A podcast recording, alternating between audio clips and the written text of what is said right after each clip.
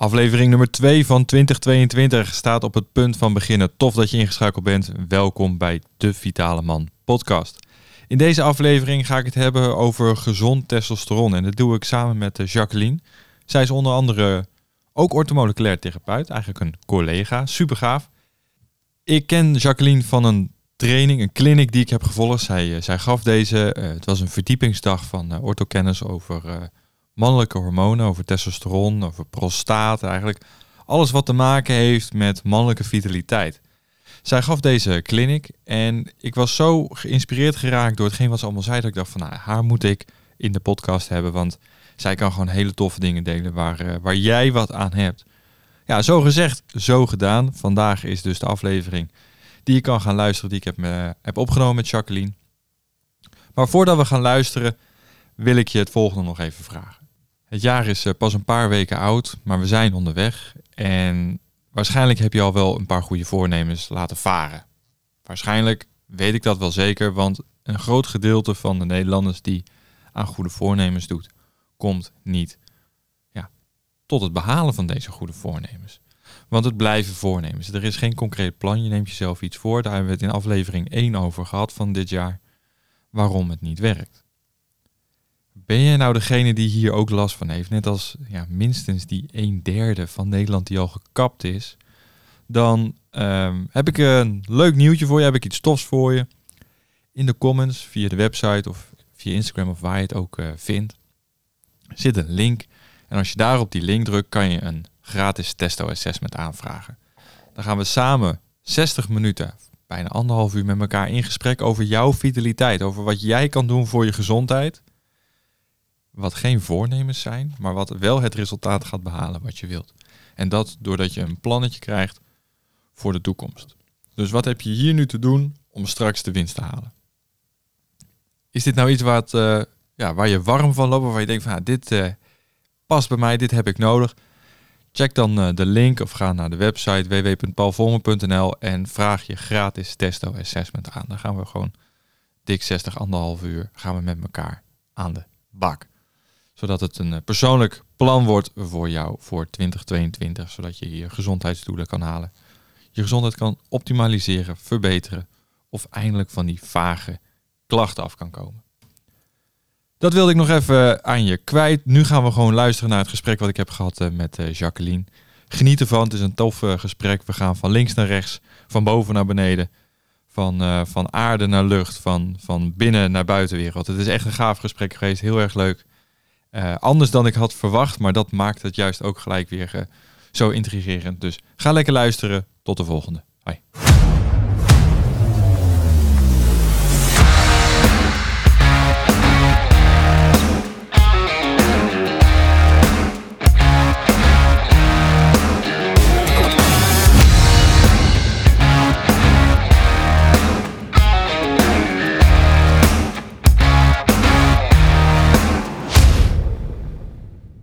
Hey, super tof dat je ingeschakeld bent bij een uh, nieuwe aflevering van de Vitale Man podcast. In deze aflevering nummer 2 van 2022 zit ik uh, met uh, Jacqueline Everink. En ja, we gaan het vandaag hebben over mannen, hormonen, gezondheid. En dat ga ik bespreken dus met een vrouw. En dat heeft een leuke reden, want ik heb vandaag een clinic mogen volgen over mannelijke hormonen. gedaan via orthokennis. Uh, maar Jacqueline heeft haar eigen praktijk, uh, orthobalans in Nijmegen voor ja, holistische, gene hol holi holistische geneeskunde. Ja, ja, holistische geneeskunde, zo, zo staat het er. Hè? Ja, mooi. Um, het was zo gaaf, die kliniek, dat ik dacht van ja, ik moet haar uitnodigen voor een, voor een podcastaflevering, want deze kennis mag je gewoon niet, niet missen. Dus Jacqueline, tof dat je er bent. Echt super dat ik hier mag zijn. Ja, in, op kantoor hier in Hartje Utrecht. Um, zitten we dan? Clinic is even geleden. Ja, het is alweer een paar maanden terug. Het is alweer hè? een paar maanden terug, hè? Ja, dat is wel leuk dat we dan nu hier zitten. Ja. Um, ja. Er is eigenlijk zoveel, over te, zoveel te vertellen. Hè? We hebben net al even gesproken over van alles. Maar laten we gewoon even beginnen met de basis. Uh, wie, is, mm -hmm. wie is Jacqueline? Ja, ik ben een, een, een wezen wat me heel erg verbonden voelt met de natuur. um, en daar ben ik ook heel erg door geboeid. Um, vitaliteit van de mens, vitaliteit van de aarde en hoe dat met elkaar verbonden is. En hoe we op een natuurlijke manier uh, in onze optimale kracht kunnen komen. En ik heb inmiddels 13 jaar een eigen praktijk in Nijmegen. En ik werk sinds een jaar of zeven in het Centrum voor Integratieve Geneeswijze, Hypericon, samen met huisartsen, wat wel heel uniek is. We zijn een vereniging en we beoefenen ook echt integratieve geneeskunde samen. We overleggen samen. Het is trouwens volop in ontwikkeling uh, ook op dit moment. Ja, wat bijzonder. Dus je zegt, je hebt, jullie hebben, je hebt een samenwerking met huisartsen. Ondanks dat je zo'n alternatieve aanpak hebt op hetgeen wat zij zo regulier doen. Ja, ik zie het ook niet als alternatief, maar ik zie het als complementair. Het is dus aanvullend. Ik heb net weer een andere kijk, andere werkwijze dan de huisartsen. Ook meer tijd. En dat kan ook heel fijn zijn. En ik maak weer op een andere manier contact met mijn cliënten ook. Vanuit mijn manier van zijn. Ja. Hoe is dat zo gekomen dat je met huisartsen bent gaan samenwerken? Want die, die, dat is een, het is een combinatie die eigenlijk winnend kan zijn. Mhm. als, je, als je het goed aanpakt. Hoe ben je daar terechtgekomen? Ja, ik ben daarvoor gevraagd. Um, dus er was uh, ooit een huisarts die vroeg mij echt letterlijk of ik bij hun wilde komen werken. En uh, zo, ja, zo is het gekomen. Ik had toen al een paar jaar een eigen praktijk. En mensen kenden mij ook mijn manier van uh, werken. En ik ben dus echt letterlijk gevraagd om naar Hypericon te komen. En dan eerst dan huur je, huur je, zeg maar. En als het dan goed past in het team, dan, uh, word, je ook, je word je ook echt lid van de vereniging. dan mag je bij het clubje. Precies. Ja. ja. En hoe gaat dat dan, die samenwerking? Want mensen komen bij de huisarts voor mhm. nou, hun dingetje. Ja. Um, hoe, hoe, hoe, pas jij daar in dat plaatje? Met jouw vakgebied, want het is meer dan leefstijl, ortomoleculaire therapie wat je doet. Het is, ja. het is veel breder. Hoe pas jij daarin? Ja, dus huisartsen verwijzen heel veel naar mij, maar er zijn meer complementair werkende therapeuten binnen Hypericon. We hebben ook een osteopaat bijvoorbeeld, een Ayurvedisch uh, therapeut. Um, dus er zijn veel verwijzingen, maar ook andersom. Er komen ook mensen bij mij die dan weer lid willen worden hè, van ons centrum, ook als patiënt bij de huisarts. Wat trouwens op dit moment niet meer zo makkelijk is, want we zitten heel erg vol. Er is ook heel veel behoefte aan uh, integratieve geneeskunde, heb ik gemerkt. Maar als een huisarts ook merkt van nou, die heeft een bepaalde hormonale problematiek of met burn-out, ehm, dan sturen ze, ze bijvoorbeeld naar mij. En eens te kijken van wat daar nog meer speelt. Ook in disbalans in het lichaam. Het kan op heel fysiek niveau zijn, maar ook op andere niveaus. Ik heb ook een achtergrond van autonomie uh, en psychosociale opleidingen. Dus het kan wat breder zijn dat ik dan ga kijken en behandelen. En de huisarts heeft daar niet zo heel veel tijd voor ook. Nee, want hoeveel minuten hebben ze nu tegenwoordig? Zeven of zo? Het is iets verlengd? Tien, uh, ja, en sommige ook wel vijftien hoor. Bij ons dan is dan weer uniek. Maar uh, het zijn hele uh, korte consulten. En als ik ook de lijsten zie s morgens, want wij leveren allemaal ons lijstje in bij een vrijwilliger, die beneden dan de patiënt of cliënten naar de betreffende ruimte verwijst, dan dan ben ik daar echt van onder de indruk. Van, dan zie ik zulke lange lijsten ongelooflijk hoeveel mensen ze per dag uh, zien de huisartsen. En soms ook nachtdiensten er nog bij, hè? Avonddiensten. Avonddiensten, oké. dus, dus er zijn zoveel mensen die behoefte hebben aan kennis, aan mhm. expertise, aan hulp, dat je s'nachts nog of s'avonds door moet werken. Nou ja, als je huisarts bent, moet je ook nachtdiensten bij de huisartsenposten draaien. Dus, uh, maar er is gewoon heel veel behoefte en wij hebben heel veel wachtlijsten. Uh, aan een integratieve kijk. Waarin ze dus het gevoel hebben, ook de patiënt of de cliënten wordt gewoon naar mij gekeken vanuit meerdere gezichtspunten. En ik kom niet in een uh, spagaat terecht. Wat ik wel merk bij cliënten van mij die een andere huisarts soms hebben. Ja. ja. Wat, wat is je conclusie uit het feit dat er, dat er zoveel mensen dus behoefte hebben aan zorg? dat er heel veel behoefte is aan uh, dat mensen echt gezien worden en gehoord. Op een diepere laag. En dat mensen niet alleen maar willen dat hun symptomen worden behandeld. Ze willen toch echt dieper naar de oorzaak kijken. En ze hebben echt een diep verlangen naar welzijn. Mooi hoe je dat benoemt, een diep verlangen naar welzijn. En, en hoe, hoe ziet, hè, want je ziet hm. heel veel mensen in de week. Uh, daar waarschijnlijk. Wat, wat zijn nou de punten waar die bij jou het meeste eruit springen? waar mensen, of mannen in dit geval, hè, want we hebben het over mannen, ehm, daar behoefte aan hebben? Als we specifiek naar mannen gaan, voel ik dat er heel veel behoefte is aan uh, zachtheid ook. Ehm, echt dieper contact maken, rust. Uh, het onthaasten, het niet hoeven moeten van dingen. Um, en ook gezien worden in hun kracht. In hun mannelijke kracht en de waardering daarvan. hoe pas je dat dan toe? Want elke man is natuurlijk anders. Maar, maar hoe, hoe, hoe, hoe, hoe, ja, in welke vorm of hoe giet jij dat in een vorm? het is natuurlijk, de intake is heel belangrijk. En uh, de vorm daarin is dat ik echt de ander ook heel veel de ruimte hè, om tevoorschijn te komen. Um, en dus ook daarin afstem en, en, en voel, maar ook ga kijken van ja, hoe kan ik uh, contact maken met deze persoon. Dat heb ik in mijn haptonomieopleiding ook heel erg geleerd. Hè. Dan krijg je echt uh, oefeningen van waar is de ingang bij iemand. Um, maar dat is hoe het gebeurt. Dus het is niet alleen door dat iemand heel veel vertelt. Want als juist iemand heel veel vertelt, dan ga ik even vaak naar, juist naar de stilte toe. Mm -hmm. um, maar ook echt dieper kijken, kijken naar houding. Uh, hoe presenteert iemand zich? Wat is belangrijk voor iemand? Dus, dus ja, de intake is in anderhalf uur. Hè? Dus, uh, Lekker de tijd nemen. Ja, en ook het op, je, op, de, op uh, het gemak stellen van de ander is natuurlijk heel belangrijk. Iemand moet zich veilig voelen, dat is de basis. En um, daar streef ik heel erg naar, die, dat die veiligheid en dat vertrouwen wordt gevoeld. Je, je zei het zo mooi, de, uh, de opening vinden van die persoon. Mm -hmm. Welke deuren zitten er dan dicht? Ja. Wat, wat, wat ervaar je, wat zie je? Ja, en dat is natuurlijk heel boeiend. En dat vind ik ook het boeiende van mijn vak. Hè? Dat is naar mijn idee ook de ziel van de geneeskunde. Dat je, dat je deuren in systemen gaat openen die weer kunnen gaan stromen. En dat is bij iedereen anders. Dus um, het, iemand uit de comfortzone een beetje halen, dat vergt natuurlijk eerst dat iemand zich heel erg veilig voelt. Maar ook dat je een goed contact met de ander hebt, zodat je ook dingen kan laten stromen. Um, en um, ja, dat is bij iedereen anders. En dat maakt mijn vak, en ik denk jouw vak ook, zo boeiend. Want niemand Zeker. is hetzelfde. Zeker. En um, iedereen zit op een andere manier opgesloten. En voor mezelf is dat ook een oneindig bewustzijnsproces in mijn systeem al. Dus dat, ja, dat is bij iedereen weer uh, anders. Bij de een kan het zijn juist meer vitaliseren. Uh, of die activiteit wat bevorderen.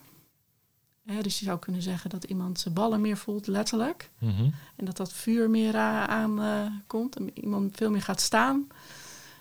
Uh, als metafoor zou je ook nog een stier kunnen zien dan, of wat dan ook. Hè? Ja. En bij de ander kan het weer heel anders zijn. Juist die zachtheid en die kwetsbaarheid laten stromen, waardoor bijvoorbeeld uh, degene, de man, weer kan huilen en weer dieper kan gaan voelen.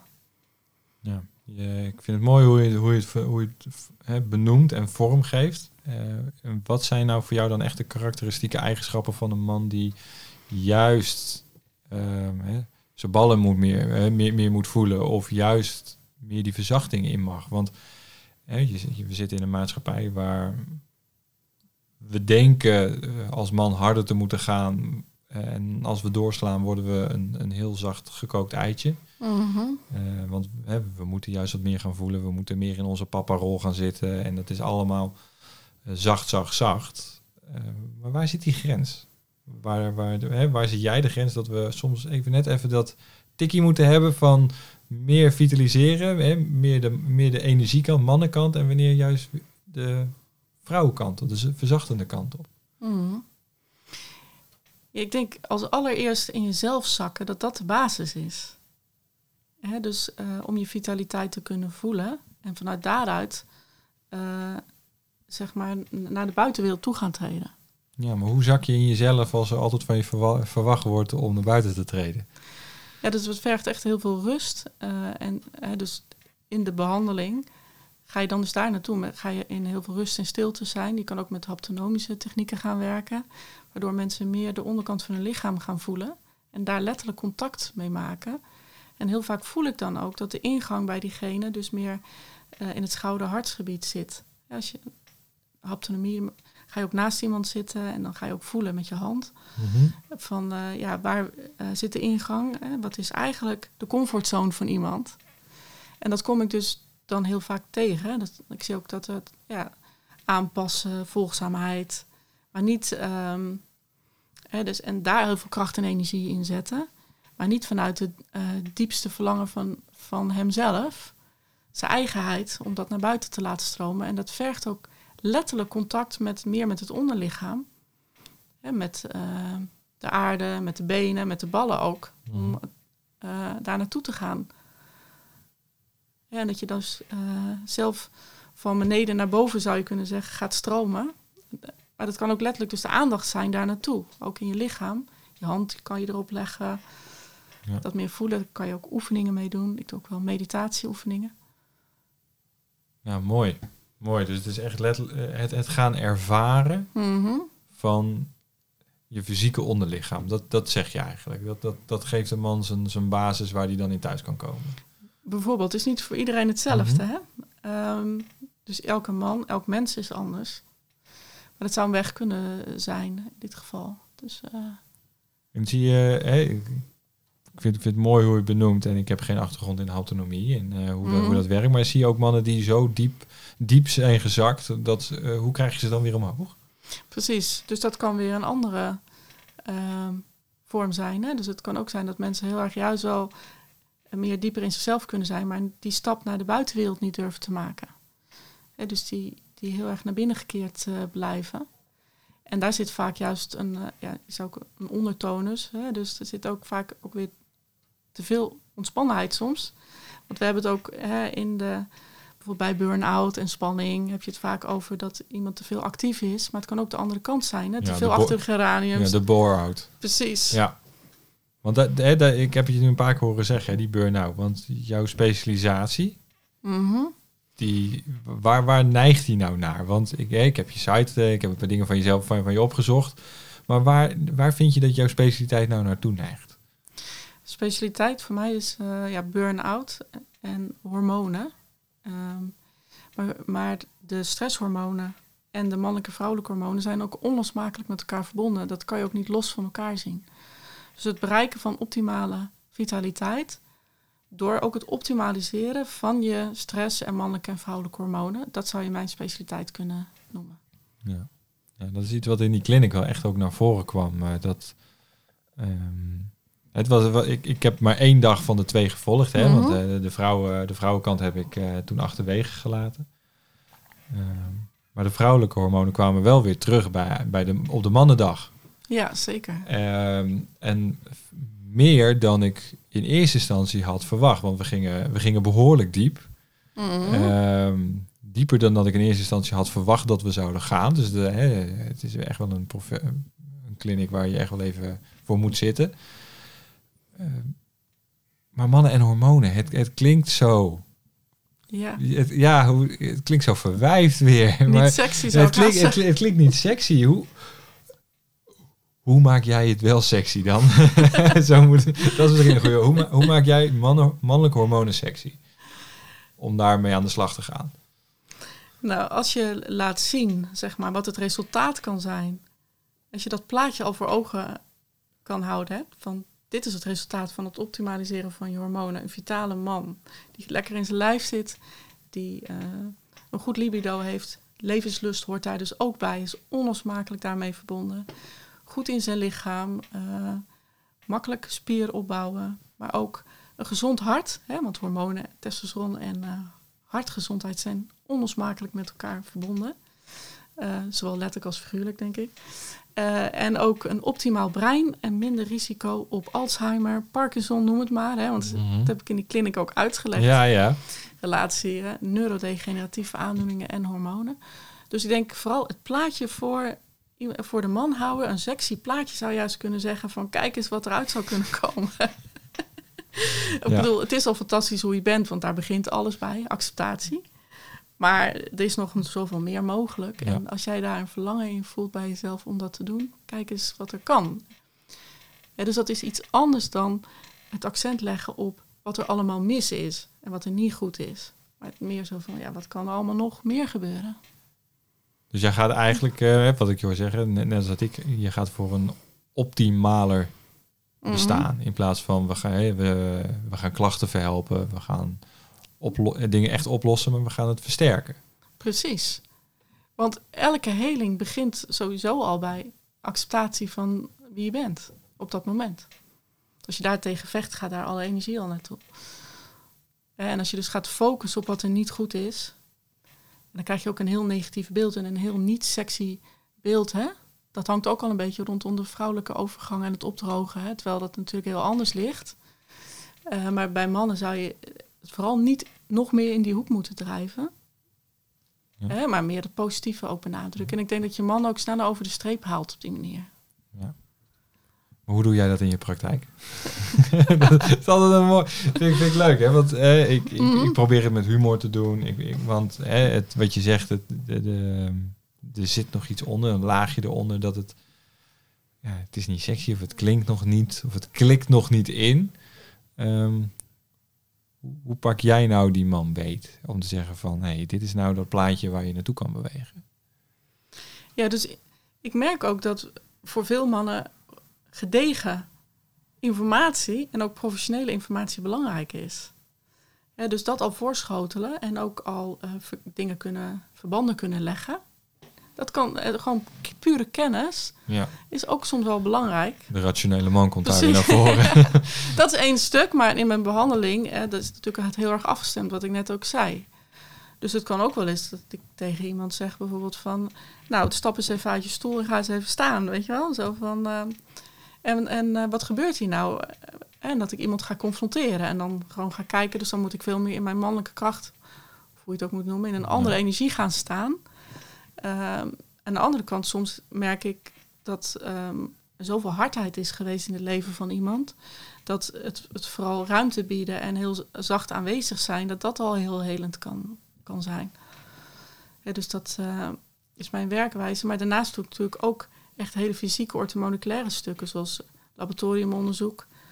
En daar komt soms heel wat boven water en dat kan ook heel veel opluchting geven. Kijk nou, weet je wel, iemand snapt mij of begrijpt mij, maar ziet mij niet alleen hè, door die ruimte of het contact wat je hebt, maar ook door eh, de verschillende eh, verbanden te zien tussen mijn hormonen en gezondheid. Waarom heeft nooit iemand eerder dat gezien? Mhm. En dat kan ook al zoveel rust en begrip geven. Dat laboratoriumonderzoek, hè, ik doe het zelf ook. Ik vind, ik vind het, het is een basis van, van hetgeen wat, wat we denk ik doen als, eh, als, als therapeuten, als hulpbrengers of hoe je het wil precies. noemen. Eh, want meten is weten. Ehm, hoe zou jij de... Hè, ik, ik kreeg laatst de vraag, ik ben even benieuwd hoe jij hem, zou, hoe jij hem Mhm. beantwoordt. Eh, ik kreeg laatst de vraag van iemand die had eh, een eh, vrij testosterontest gedaan. En een, eh, dus dat is op basis van speeksel en een, en een bloedtest voor totaal testosteron. Ja, En hij kwam met de vraag van, joh, mijn ehm totaal testosteron was heel laag. Maar zijn vrije testosteron juist heel erg hoog. oké. Hoe zou jij die, eh, die vraag gaan beantwoorden? Want dat, dat was de uitleg die hè, de, zijn, zijn test was, was die. Mhm. Hij had die twee testen bij, eh, Ja. bij mijn labtest eh, gedaan. Als jij dat voor ogen krijgt, waar, waar gaan jouw radartjes naartoe bewegen? Nou, direct bij mij naar insulineresistentie, overleefstatus en veel stress. Hè, dat zou ik al willen onderzoeken, dat Mhm. speelt. Omdat hè, door hoge cortisol, stresshormoonniveaus, maar ook door het eten van veel suiker of snelle koolhydraten en de combinatie daarvan, hè, dus de insuline enorm omhoog kan schieten. Insuline is zeg maar hè, eh, het hormoon wat suiker ook de cel in helpt te komen. Ehm, even voor de luisteraars. Ja, ja, ja, ja. Eh, maar dat zorgt ervoor dat er een, dat een vervoerder van hormonen, de sekshormoon binding globulin, Ja. Heel erg laag wordt. En daardoor gaat de vrije hoeveelheid heel erg omhoog. En ehm, door die hoeveelheid stress wordt er minder totaal testosteron aangemaakt. Mhm. Hè, dus, want de voorlopers van je mannelijke testosteron eh, zijn stresshormonen. DHA is ook een stresshormoon, is een belang, en ook progesteron, dan een vrouwelijk hormoon wordt genoemd, maar helemaal niet zo vrouwelijk is. Nee, hè, daar komen we zo nog wel even op.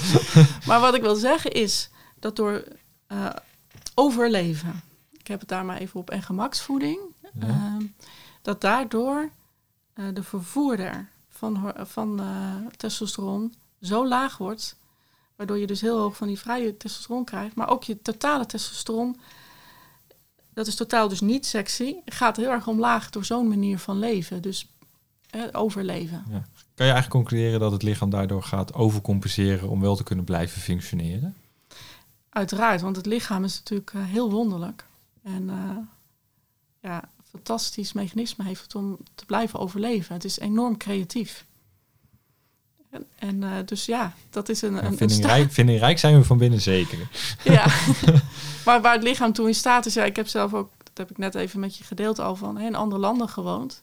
En ik ben in het verleden ook wel in oorlogsgebieden geweest. Maar waar het lichaam toe in staat is in, in uh, overlevingssituaties, is ongelooflijk. En dat uh, is in allerlei culturen en situaties weer anders. En in onze huidige maatschappij is, geeft dat ook weer een heel uniek beeld.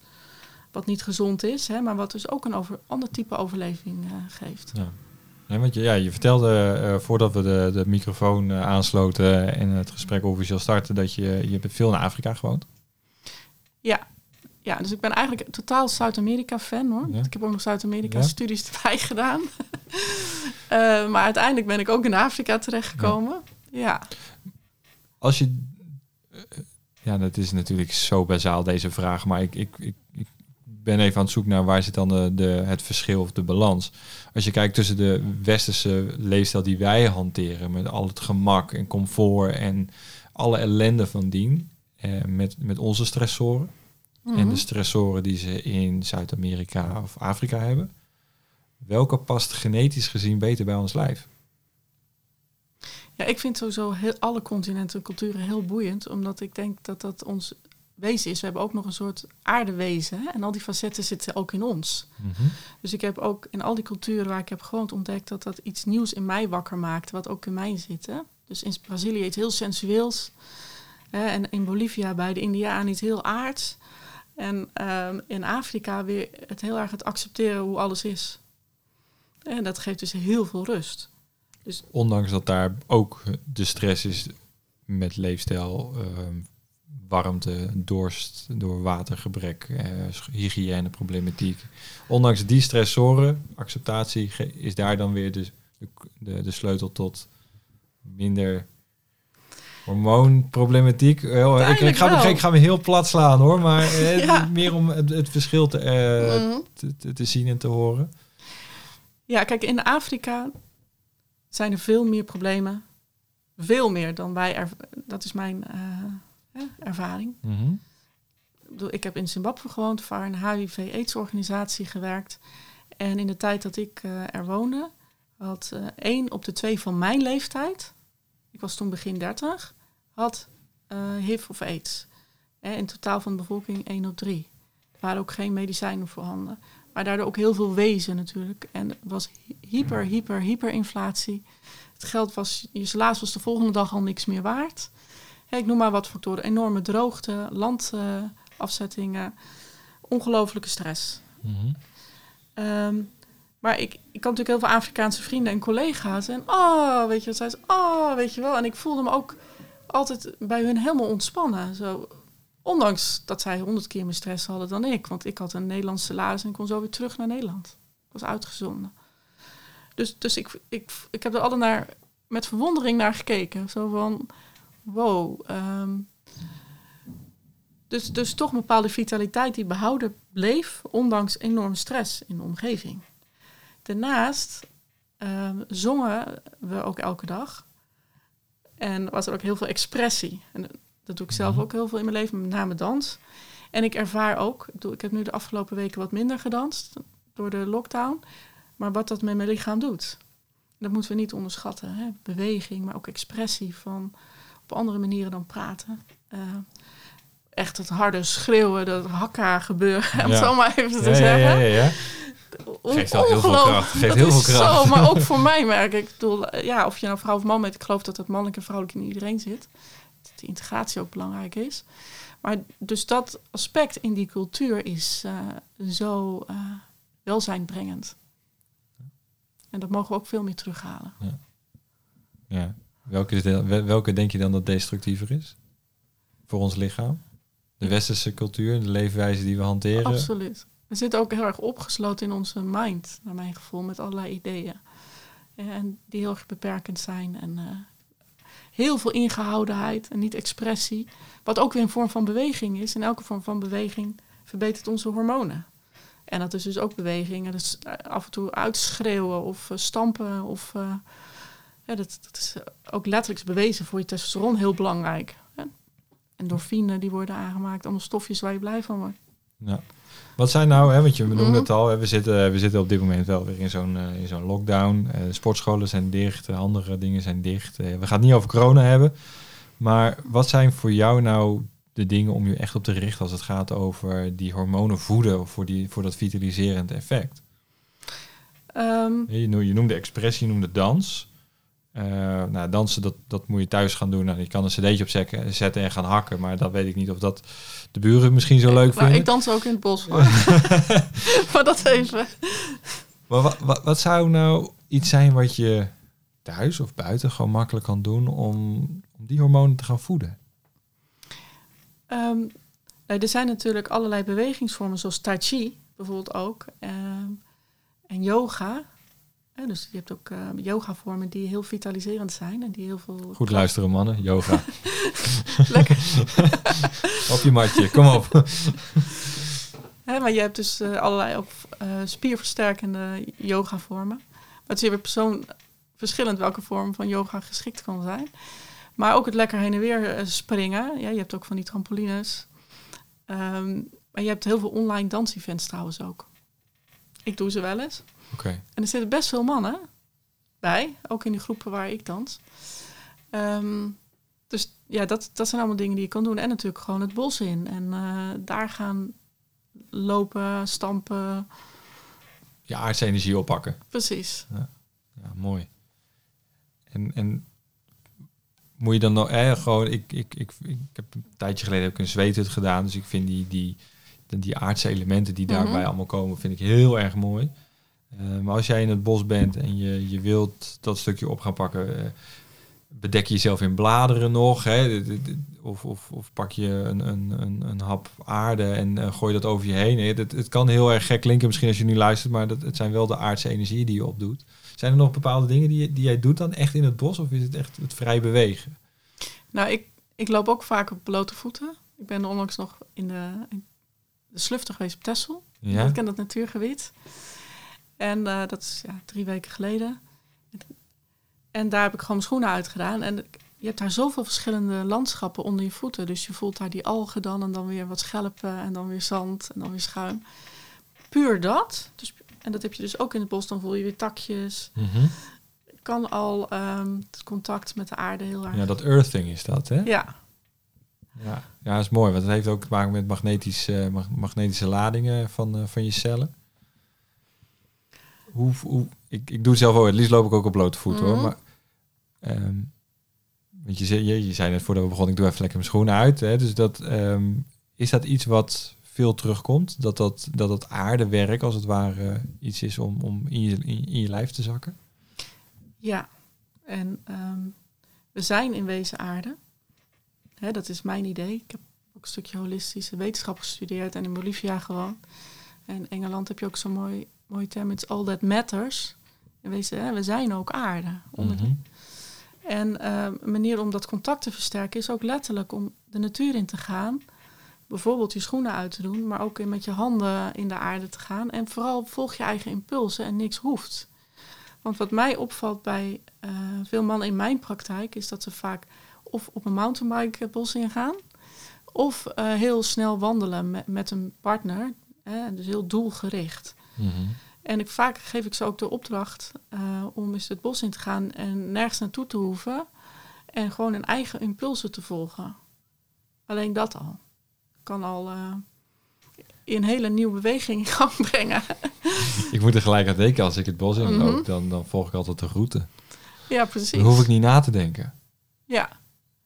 Dus, dus je, ik zit, je zegt het zo en ik zit erover na en denk oh, ja, Paul, eigenlijk moet je gewoon eens een keer gewoon gaan voelen. Oh, hier links, hier rechts. En dan gewoon kijken waar je uitkomt. In plaats van een bordje rood volgen.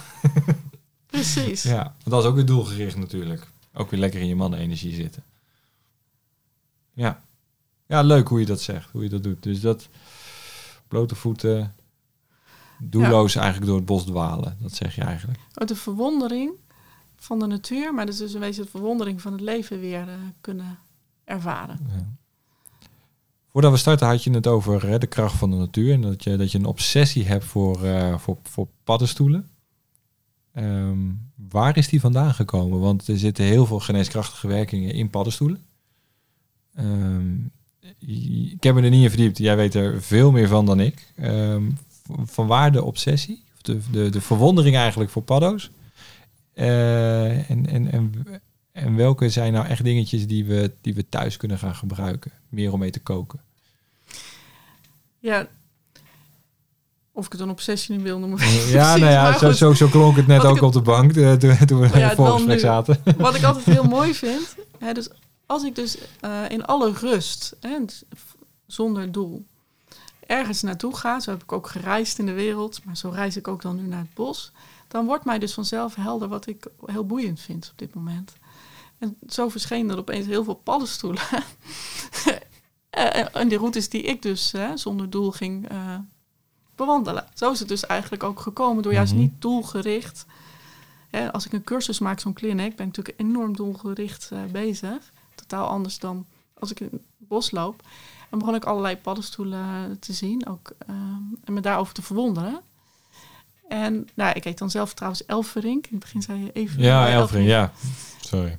Maar er zit ook iets in mij wat dat echt enorm boeiend vindt. Een soort uh, iets diepers in mij. En ik heb ook veel mensen gehad met Lyme en uh, Epstein-Barr, de ziekte van Pfeiffer. Mhm. En toen ben ik eens met uh, het elfenbankje gaan werken. Dus uh, Coriolis versicolor. Dat is niet lekker, maar dat vind je echt overal bijvoorbeeld. Ja. Um, trouwens, even onder, je mag niet zomaar paddenstoelen plukken. Hè? En je moet je er heel goed in verdiepen. Goeie disclaimer, jongens. Niet doen. Zulke professional. uh, maar in meer, op meerdere manieren vind ik het dus heel boeiend. Dus ik zag hoe snel mensen daarvan opknapten, ook met Lyme. En, uh, mm-hmm. Dus dat als je dingen ervaart in je praktijk, hè, dan word je nog meer geboeid. Dus dat heeft heel erg meegespeeld. Ja. Maar ook gewoon hè, door supplementen die natuurlijk veilig, hè, je kan ze gewoon kopen. Hè, paddenstoelencomplexen. Maar ook nog de diepere laag, hè, dus de mycelia, dus dat zijn die schimmeldraden onder de grond. En dat dus paddenstoelen een heel ecosysteem vormen in een bepaald gebied. Ze zijn allemaal met elkaar verbonden, versterken elkaar, zorgen voor elkaar. Um, Wat bedoel je verbonden met elkaar? Ja, dus letterlijk via die schimmeldraden onder de grond zijn ze dus met elkaar uh, verbonden. En je ziet dus ook uh, dezelfde soort rassen dus in een bepaald gebied terugkomen. En dat staat voor mij heel erg symbool voor hoe wij als mensen op aarde ook met elkaar verbonden staan. Dus dat is een stukje wat de natuur laat zien. Als je jezelf goed voedt, hè, dan zorg je niet alleen voor jezelf, maar ook voor de ander. Dus een soort dieper laag, ook voor de aarde. De hele klimaatcrisis speelt natuurlijk ook enorm op dit moment. Ja. Maar dat is een soort symbool ook voor mij. Naast die enorm helende kracht die dus in die mycelia-draden zit. Met name ook van de shiitake en andere paddenstoelen. Die kan je dus ook weer in capsules kopen. Ja. Onder andere dus die uh, active exose correlated compounds. Dat zijn dan bepaalde componenten die in die mycelia zitten. Lekker schribbelen. Ons... Lekker schribbelen. Is... Uh, ja. ja. Dus het is gewoon heel boeiend hoe onbegrensd netwerk... We zien het niet, maar het staat voor mij ook symbool voor het, het holisme. Ik, je had het in het begin over holistisch geneeskunde. Ja. En daar ben ik altijd heel erg door geboeid geweest. Door holistische wetenschap. En ik ben ook afgestudeerd als holistisch wetenschapper. Ik heb ook colleges en uh, vakken gevolgd bij andere universiteiten die holistische wetenschap aanboden. Dus ik, er zit in mij een enorm wetenschappelijke component, maar ook een enorme ja, verwondering over het leven. En dat bij elkaar brengen vind ik uh, ja, heel boeiend. Ja.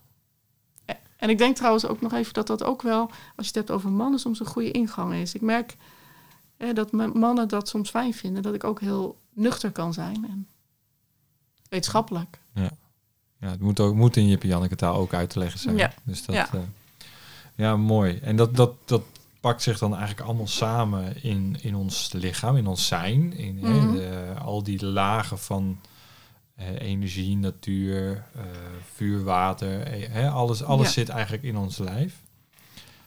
En dat lijf dat gaat processen regelen, zodat we ons vitaal voelen, gezond voelen, ehm, gezond zijn. En daar horen hormonen bij. We hebben het al een beetje, we hebben, het is al een paar keer benoemd. Ehm, testosteron is het, hè, het manmakend hormoon bij uitstek. Ehm, dat is ook wel het meest bekende. Hè? In de sportschool anabolen gebruiken, daar word je een grote vent van. Ja. Eh, maar je noemde net ook progesteron, wat eigenlijk vaak als vrouwelijk wordt aangeduid, maar niet zo vrouwelijk is als dat het lijkt. Ehm, ik wil eigenlijk daar even naartoe, om, om, omdat hè, hormonen vaak als vrouwelijk worden gezien. hè, Mhm. dat, dat, om de taboe daar even, toch wel even te benoemen. Wij als man hebben ze ook. en zijn, belang, zijn belangrijker dan, eh, dan ooit tevoren. Ehm, wat doet progesteron? Kan je dat heel, heel simpel uitleggen voor de man? Wat, wat, wat is de functie? Nou, het is een fantastisch eh, lichaams-eigen hormoon. Wat je doet ontspannen. Wat angsten remt. Wat je beter doet slapen. Lichaams-eigen benzodiazepine is een beetje ingewikkeld. Maar lichaams-eigen angstremmer en slaapmiddel zou je het ook wel kunnen noemen. En ontspanner. Is het ook iets wat je... Ja, ik vind het, vind het mooi hoor. Ik vind het kort, kort en krachtig uitgelegd. is het iets wat je altijd meeneemt in je onderzoek om dat te testen? Ehm, nee, niet altijd. Maar wel vaak natuurlijk. Hè? Dat, eh, omdat dat ook weer iets aangeeft van hoeveel stress iemand heeft. Want hoe meer stresshormoon je aanmaakt, hoe, hoe minder progesteron er beschikbaar is. Dus dat is ook belangrijk om te begrijpen. Ja, want het komt allemaal uit één en dezelfde bouwstof. Hè? Allemaal cholesterol is, eh, is de, de master start eh, van, eh, van, al, van dat hele stress eh steroïde hormoonsysteem. Ja, Ehm, wat, wat vind jij, dat, dat is misschien ook nog wel mooi. Hoe, hoe sta jij dan tegen het, ik denk dat ik het antwoord wel weet, maar ik hem wel vragen. Wat, hoe sta jij dan tegenover het feit van het, het, het vetarm, het allemaal zo light mogelijk en ehm, dan ga ik heel wat mensen tegen hun scheren been eh, eh, Ja. schoppen, tegen de vegetarische vegan lifestyle. Hoe kijk jij daar tegenaan, hormonaal gezien, voor, voor de man? Ehm, ook dat vind ik weer. Hè. Voor niemand is één boek ehm, eh, van toepassing. Want het is altijd op maat. Mhm. Wat ik net al zei, net is bij iedereen de an- ingang anders. Het kan ook qua voeding zijn. Hè? Eh, dus ik heb daar ni- niet 1, 2, 3 meteen eh, een oordeel over. Helaas. Maar, ik Nee, vind- nee, nee, maar wat ik- ik, wel heel duidelijk van mening ben, is dat je niet zomaar boeken moet volgen. Mhm. Ja, ehm, blijf gewoon voelen wat je zelf nodig hebt en vraag daar ook hulp bij. Durf daar hulp bij te vragen bij iemand die echt naar je durft te kijken, dingen durft te onderzoeken, eventueel. Die daar verstand van, van heeft. Hè. Dus er zijn echt een aantal bestsellers op dit moment. Hè, dus ook, ehm, En welke, welke, welke vind Ja. jij dan echt goed? of ja, die ik niet zo goed vind. Ja, ja. Oké, dat is ook, dat, dat is ook nee. een goeie. Welke, welke moet je dan gewoon skippen in de boekhandel? Nou ja, wat, wat mij gewoon opvalt, en ehm, dat is natuurlijk ook iets wat ik in mezelf herken, maar dat we heel erg eh, geneigd zijn om opvolgzaam te zijn, ook naar boeken. Hè, dus medical medium is een hele eh, bekende op dit moment. Mhm. Ik, ik kom in mijn praktijk heel veel mensen tegen die dat klakkeloos volgen. En ik zie daardoor ook heel veel tekorten. Dus het idee van ontgiften, dat is natuurlijk ontzettend belangrijk. Dat is een basis voor iedereen. Ehm, maar of, of het voor iedereen handig is om eh, vetvrij te gaan eten, wat daar ook in wordt gepromoot. Ik denk van niet, ook niet als we kijken naar de hormonen. Ja. Maar vetvrij eten, ontgiften is toch ook weer leverwerk. Lever draait op het vet. Hoe, leg jij dan de link uit dat boek? Kijk, wat ik zie is dat sommige mensen dat als lifestyle overnemen. Dus als je het een periode doet voor ontgifting, oké. Mhm. Maar ook daarin denk ik weer, is jouw lichaam wel in staat om goed te ontgiften? En moeten we hè, niet eens gaan kijken waar het spaak loopt. Ehm, maar niet om als lifestyle. eh, Het zijn allemaal therapeutische interventies eigenlijk. Zeg je. Ja. Elk boek is een, is een stukje los en apart. ja, en dat is niet altijd voor iedereen van toepassing. Je loopt ook risico's op mineraaltekorten of op overdosering van bepaalde natuurlijke stoffen. Ehm, ja, dus eh, ja, vetzurentekort. En daar hebben we al zo'n probleem van in Nederland. Ja, precies. Dus dat, ehm, ja. Dus, dus eigenlijk is mijn advies vooral, ja, als je een boek leest, eh, lees dan sowieso ook meerdere boeken. En eh, Eén als je wilt, één boek is geen boek. ik vind het heel interessant om dingen uit te vinden en eh, gekke detoxen te doen. Hè? Ja, ja herkenbaar. En dat is natuurlijk leuk, maar ehm, vraag ook wel hulp. Ook, hè, want zeker als je heel erg vermoeid bent, soms ben je niet eens in staat om goed te ontgiften. Hè. Moet er ook eerst iets met hormonen worden gedaan, bij wijze van spreken. Of met je leefstijl voordat je pas echt kan ontgiften. En kan het nog meer vermoeidheid geven. Hè? Laat je ook goed begeleiden daarin. Ja, Ja. ja. ja mee, mee eens. Kijk, ik, ik zie in mijn ja, praktijk, of hoe je het wil noemen, ik zie heel veel mannen met, met metileringsproblemen. Ja. Wat is. Ik heb daar wel mijn, mijn, mijn visie over eh, dat, waarom die lever onvoldoende werkt en, Mhm. en, eh, dat gaat. Maar wat, wat is. Zie jij dat ook in jouw praktijk? Zeker. Niet alleen bij mannen. Ja, ik heb natuurlijk ook heel veel Ja, vrouwen. je hebt ook heel veel vrouwen. Ja, maar ja, dit, Ja. dit is een mannelijk gerichte podcast, dus we hebben het alleen over de man. Maar waar denk jij dat het aan ligt? Want het is een heel belangrijk fundamenteel stukje wat eigenlijk ja, onderbelicht is, Ja. eh, vind ik. Eh, wat, wat we eigenlijk dagelijks kunnen gaan doen om dat stukje te verbeteren. ja, het is dus ook een disbalans in de lever. Hè? Mhm. Hebt je hebt in de lever verschillende fases. Dus die lever is al heel veel overbelast. Daarnaast, eh, dus ook door te veel koolhydraten en snelle koolhydraten, te veel stress en te weinig lichaamsbeweging. Waardoor dus ook op celniveau allerlei eh, tekorten kunnen ontstaan. En in dit geval bij methylering hebben we het natuurlijk over hè, actief foliumzuur, actief eh, B12, actief B6. En eh, daar zijn dus ook vaak tekorten, maar ook eh, allerlei andere problemen mee. Ook omzettingsproblemen. Bij foliumzuur kom ik heel veel stapelingen tegen de laatste tijd. Ik weet niet of jij dat ook ziet. Nou, nee, niet, niet stapeling, maar ik zie wel de symptomen ervan. Dat, dat het, dat het, ik, ik prik er niet bewust op bij, bij de onderzoeken. Ehm, vind, ik vind foliumzuur symptomatisch vind ik mooier, richt, mooier eikpunt, persoonlijk. Maar ik zie hem wel. Dat ik denk van ja, dan eh, hè, er is misschien toch al de afgelopen anderhalf jaar een soort van hype gekomen van oh, eh, we mogen minder aan onze gezondheid doen buiten de deur. Dus we zoeken maar een pilletje voor in huis. Mhm. En als je dan de verkeerde kwaliteitssupplementen pakt, waar je dan Ja. golft, dat, dat daar, eh, B6 zie ik ook wel veel, Nou, ja. ehm, dat daar de problemen ontstaan van het niet kunnen omzetten en waardoor het lichaam eigenlijk niet weet wat het ermee moet doen. Dus het is een uh, opeens uh, een overstapeling, zou je kunnen zeggen, van stoffen die het lichaam gewoon niet trekt, niet goed omgezet kunnen worden.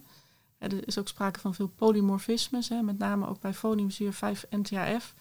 Het, we gaan nu een beetje ingewikkeld worden, Ja, maar het ja, is ja. actief foliumzuur. en dat is dus belangrijk voor die methylering.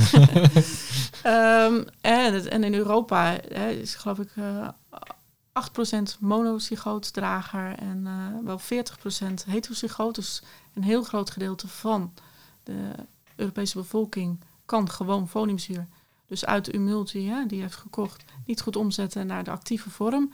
En dat is dus belangrijk voor dat methyleringsproces. En eh, daar gaat dus ook al heel veel mis. Maar naar mijn idee is het ook die andere fases van de lever waar je naar moet kijken en de disbalans daartussen. eh, wat een rol speelt in het hele proces. En ook het microbioom, dus ook de darmen. En ehm, Ja, en zo kom je eigenlijk alweer dat het hele lijf samenwerkt met Ja. elkaar. Maar als we kijken naar die lever, hè, want als we kijken naar de standaard stereo, eh, stereotype man, mhm. bier drinkend, op de, ba- op de bank zitten, voetbal kijkend. Hè? Misschien nu Formule 1 met Max Ja. Verstappen. Ehm, wat gaat daar fout? Waardoor de man zich energieloos, futloos en zwak voelt. Ehm, nou, ten eerste hè, weinig lichaamsbeweging. Ja, dus lichaamsbeweging is heel erg belangrijk voor het testosteron, om dat te verhogen. En dat is al ehm, ja, belangrijk hè, voor het ervaren van vitaliteit. Het is trouwens wel zo als Max Verstappen dan winst, hè, want wint. Ja, Dan schijnt dus een enorme testosteron boosten. Ja, dat- dus winnen is ook nog... Maar als het verliest, dan wordt het dus nog... Ja, nog lager dan Nog dat. lager. Ja, ja, dus het is goed dat hij wereldkampioen is geworden. Maar dan daarnaast natuurlijk ook de, ja, de, de alcohol, die belast de lever hè, al heel erg. Eh, er zal waarschijnlijk ook nog wel eh, wat bitterballen bij zitten. Ja, of een nootje of iets, of dat soort dingen, ja. En, en ja, daardoor dat is natuurlijk niet goed voor de, eh, alle beestjes, microbioom, hè, dus Ja. in de darmen. Waardoor ook de oestrogeen niet goed ontgift wordt. En want voor bij mannen is belangrijk ook de balans tussen testosteron en oestrogeen. En ehm, ook je darmen en welke beestjes hè, dominant zijn in je darmen, spelen daar een belangrijke rol in. Want je kan eh oestrogenen niet goed ontgiften als eh, bepaalde typen slechte bacteriën, de bacteroïdes daar te veel in aanwezig zijn. Ja. Oestrogenen worden gewoon weer heropgenomen in je systeem. Dus het heeft invloed op het microbioom. Het heeft invloed op je insuline, wat ik al eerder vertelde. Ja. Te weinig beweging. Eh, hè, dus Ja, dus dan krijg je eigenlijk een, een oestrogeendominantie, terwijl je Ja. testosteron eigenlijk fictief gewoon nog goed is. Eh, of op niveau is, heb je een hoger oestrogeen, waardoor het eigenlijk ook weer uit balans is. Hè? Zo, zo moet je het zien. Wat, wat zijn nou die dagelijkse acties? Hoe kan die man ja, van de bank afkomen en zijn bitterballen laten staan? Dat is, dat is natuurlijk makkelijk. Maar hoe, waar merkt hij het aan? eh, was als hormonen meer in balans komen, bedoel je? Ja, nee, wat ga, ja dat ook zeker. Hè, want ja. we moeten de winst be- benoemen. Maar waar merkt hij in eerste instantie aan dat zijn hormonen uit disbalans zijn? En vooral die man-vrouw hormonen. Lusteloosheid. eh slechte immuunsysteem. Het heeft ook invloed op het immuunsysteem. Ehm, Mannen eerste lijns, hè? Testosteron. precies. ja, dus een slechtere weerstand, eh, lusteloosheid, ehm, maar ook minder libido. Dus eh, minder zin om dingen te gaan ondernemen, minder zin om naar buiten te gaan, stemmingsproblemen. Hè, en op lange termijn kunnen ook weer andere problemen ontstaan. Hè? Dus meer risico op neurodegeneratieve aandoeningen, Ja. Parkinson en dergelijke. Ehm, osteoporose, hè, want testosteron is heel belangrijk voor de botten. Hè? Ook en het eiwitmetabolisme. Eh, maar ook letterlijk, hè, eh, meer buikvet. Dat is ook eh, natuurlijk een heel duidelijk symptoom. Ehm, soms borstvorming. In de ergste gevallen. En, en, Ja. en het ergste gevallen, ja, als je enorme oestrogeendominantie, hè, dus oestrogeendominantie is trouwens niet alleen de verhouding oestrogeen. Nee, nee, maar om een beeld te geven. Ja. Maar goed, dan hè, in theorie zou zelfs dus eh, ook je ballen kleiner kunnen worden. Dat ook nog. Ja, jongens, red flag. Red flag. Daar moet je mee oppassen. Ehm leverondersteuner is dus goed voor, eh, voor de afbraak van, van die verkeerde hormonen. Althans, om het balans te herstellen. Ja, Ehm groenten kunnen we het eigenlijk hè, in zijn algemeenheid kunnen we wel noemen. Maar zijn er specifieke groenten die jij echt heel erg krachtig vindt voor die, voor die leverwerking? nou voor de leverwerking zelf, hè, dus de bitterachtige groenten. Hè. Dus ook eh, witlof hebben we het dan over en ondijvie eh, bijvoorbeeld. Die zeer geschikt zijn. Maar er zijn ook nog stikstofbevattende groenten, maar die zijn dan weer goed hè, eh, voor een goede erectie en goed voor de vaten. hè. Mhm. Dus de, de vaatfunctie is nauw verbonden ook met het verkrijgen van een erectie, een goede erectie. En daar zijn dus die ehm, stikstof, hè, oxidehoudende groentes weer eh, goed voor. En dan denk ik bijvoorbeeld aderbarber, eh, maar koriander ook. En ehm, eh, hoe heet het nou, die rucola sla bijvoorbeeld, slaasoorten. Dus dat zijn eh, ja, ook zeer eh, aan te bevelen groentes om te eten. Ja, dat zijn niet de standaard dingen die je hoort in de sportschool. eh. maar dat eh, is dus goed voor je bloedvaten, waardoor je dus ook in je spiermassa weer ook een betere pomp kan krijgen. Dus je spiermassa kan Precies. daardoor ook weer beter groeien. Dus Ja, hè, een aap is niet voor niks zo sterk. Laten we het daarop houden. inderdaad. Ehm, ja, weet je, heel interessant allemaal. Ehm, ook omdat je het zo heel mooi en pragmatisch eh, benoemt. Wat zijn, ik, ik wil even terug naar, naar die systemen. Want we hebben dan darmen, lever, hormoonsysteem. Het zit eigenlijk allemaal aan elkaar gekoppeld. Zeker. Ehm, waar, ga, waar ga je... st- Stel, je zit, je zit thuis op de bank. Je bent deze podcast aan het luisteren. Of in het mooiste geval ben je natuurlijk een rondje aan het lopen. Hè, om eh, even de bewegingen tussen het werk door eh, eh, te pakken. Stel, je bent aan het lopen. En je, hebt, en je wilt ergens beginnen. Maar een therapietraject of, een, of iets is te duur voor je. Maar je wil wel starten. Waar zie je dan een goed begin? En als je dan kijkt gewoon naar, naar basale dingen, gewoon een startpunt. Een startpunt zie ik echt eh, vanuit mijn eh, werkwijze. Ga echt eh, met jezelf lopen dan. Hè. Dus dan ben je aan het bewegen. Ga met jezelf de natuur in.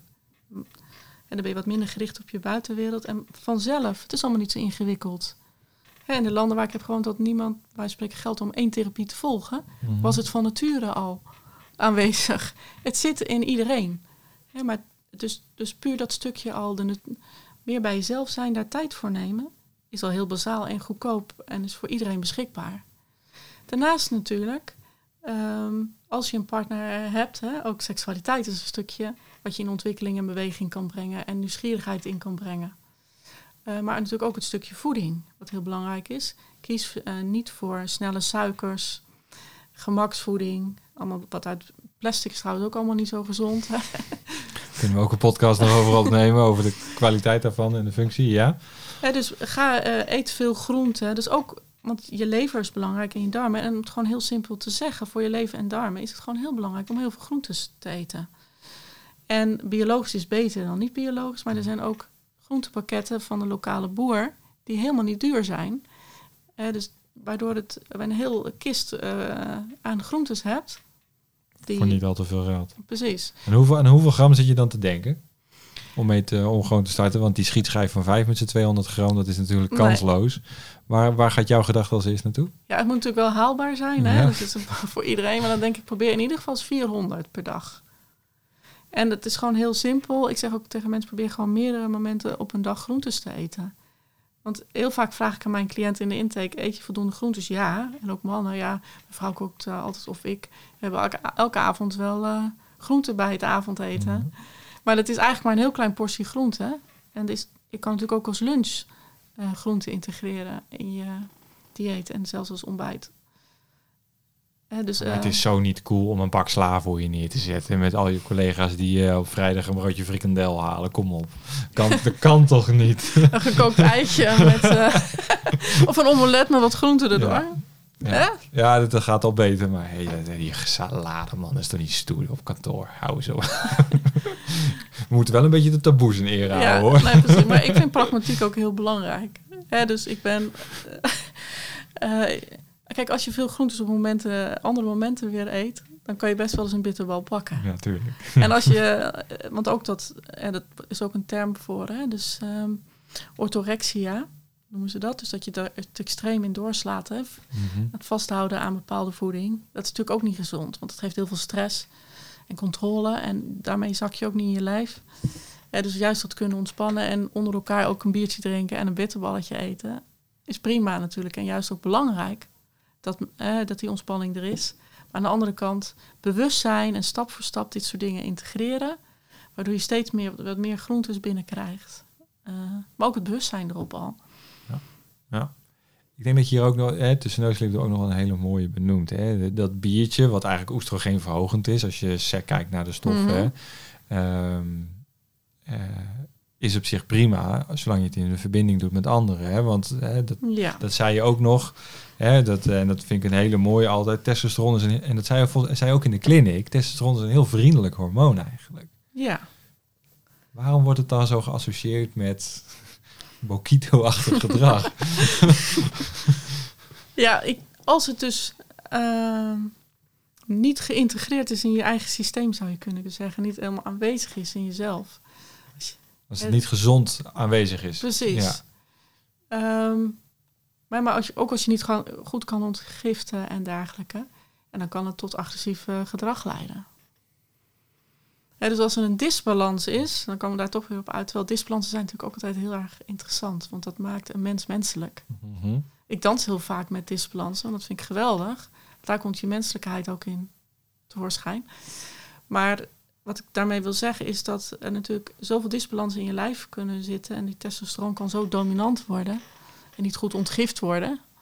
En dan uh, daar hebben ze ook onderzoek in gevangenissen mee gedaan. Hè?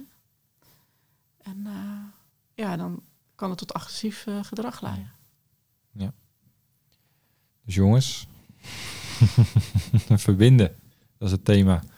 Um, maar hoe kan je dan een teveel aan testosteron ontgiften? Wat, wat, wat zijn, hè, want ik wil altijd een paar pragmatische dingen. Hè. We hebben uh, al mhm. wat stappen, we hebben voeding, we hebben een paar dingen al benoemd, maar testosteron ontgiften, dat klinkt zo niet cool als je man bent, uh, maar wel noodzakelijk. Ga je dan naar kruiden kijken? Ga je naar bepaalde specerijen kijken? Of hoe moeten we dat zien? Hè, hoe kan je mhm. dat aan gaan pakken? Ja, testosteronontgifting gedijt bij goede lever en darmen in wezen. Dus als je naast dat biertje en die bitterballen ook gewoon regelmatig groente eet, maar ook rust, uh, de rust opzoekt, hè, want ontgiften is ook heel erg verbonden met rust. Want we hebben een heel goed ontgiftingssysteem wat beter werkt als we ontspannen dan als we in inspanning zijn. Want dan zitten we in de overleefstand in de jaagstand, hè, dan ga je niet, als je op die dieren jaagt, Ja. en een sporter bent, ga je niet ontgiften. Het is iets van, van nature aanwezig is, dus het gedijt echt bij die tijd even met jezelf, even rust, even buiten zijn. Natuurlijk veel drinken en ook ehm, de juiste voeding tot Ja. je nemen. Ja, hoe, maar hoe zie je dat hè? in je praktijk dan? eh, Nijmegen heeft een fantastisch fietsgebied Mhm. eh, om zich heen. Ik zie veel mannen eh, in de praktijk, hoor, of die mensen, de mannen die het traject aangaan, zijn, eh, ik heb triatleten, marathonlopers, eh, wielrenners. Ehm, uiteraard ook de krachtsporters, hè, die, eh, maar vooral de duursporters zeggen, ja, maar hè, de lange duurloop of de fietstocht, dat is allemaal, is allemaal ontspanning Ja, hormonaal ga je dan gewoon compleet scheef in mijn, mijn optiek als Ja. het echt te lang gaat. Maar helemaal omdat Nijmegen zo'n mooi fietsgebied heeft, een natuurgebied.